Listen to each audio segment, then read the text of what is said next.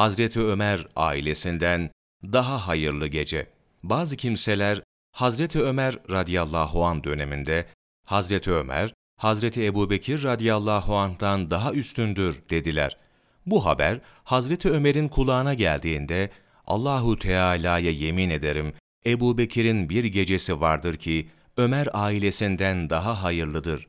Ebu Bekir'in bir günü vardır ki Ömer ailesinin hepsinden daha hayırlıdır dedi ve devamla Hazreti Peygamber sallallahu aleyhi ve sellem mağaraya gittiği gece evden çıkarken Ebu Bekir de radıyallahu an yanındaydı.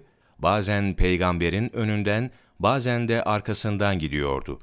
Resulullah bunu fark edince, ''Ey Ebu Bekir ne yapıyorsun? Bazen önümde, bazen de arkamda gidiyorsun.'' dedi. Bunun üzerine Ebu Bekir radıyallahu an ''Ey Allah'ın Resulü, bizi arayanların bulunabileceği hatırıma gelince senin arkana geçiyorum. Bizi gözetenlerin varlığını düşününce de önüne geçiyorum.'' dedi.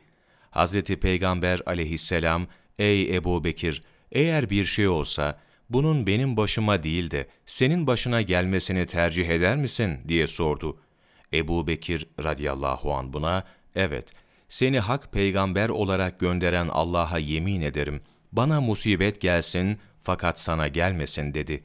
Onlar mağaraya geldiklerinde Ebu Bekir, ''Ey Allah'ın Resulü, dur, ben senin için mağarayı temizleyeyim, sen sonra girersin.'' dedi. Böylece Ebu Bekir radıyallahu an mağaraya girdi. İçini temizledi ve sonra da oradaki delikleri kontrol etmediğini hatırladı. Bunun üzerine, ''Ey Allah'ın Resulü, dur, mağarayı tekrar temizleyeyim.'' dedi. Oraları da temizledi ve, ''Ey Allah'ın Resulü, şimdi girebilirsin.'' dedi. Böylece Peygamber Efendimiz orada konakladı. Sonra Ömer radıyallahu an nefsimi elinde tutana yemin ederim ki, o gece Ömer'in ailesinden daha hayırlıdır dedi. Yusuf Kandehlevi, Hayatüs Sahabe, Cilt 1, sayfa 326-327, 1 Haziran Mevlana takvimi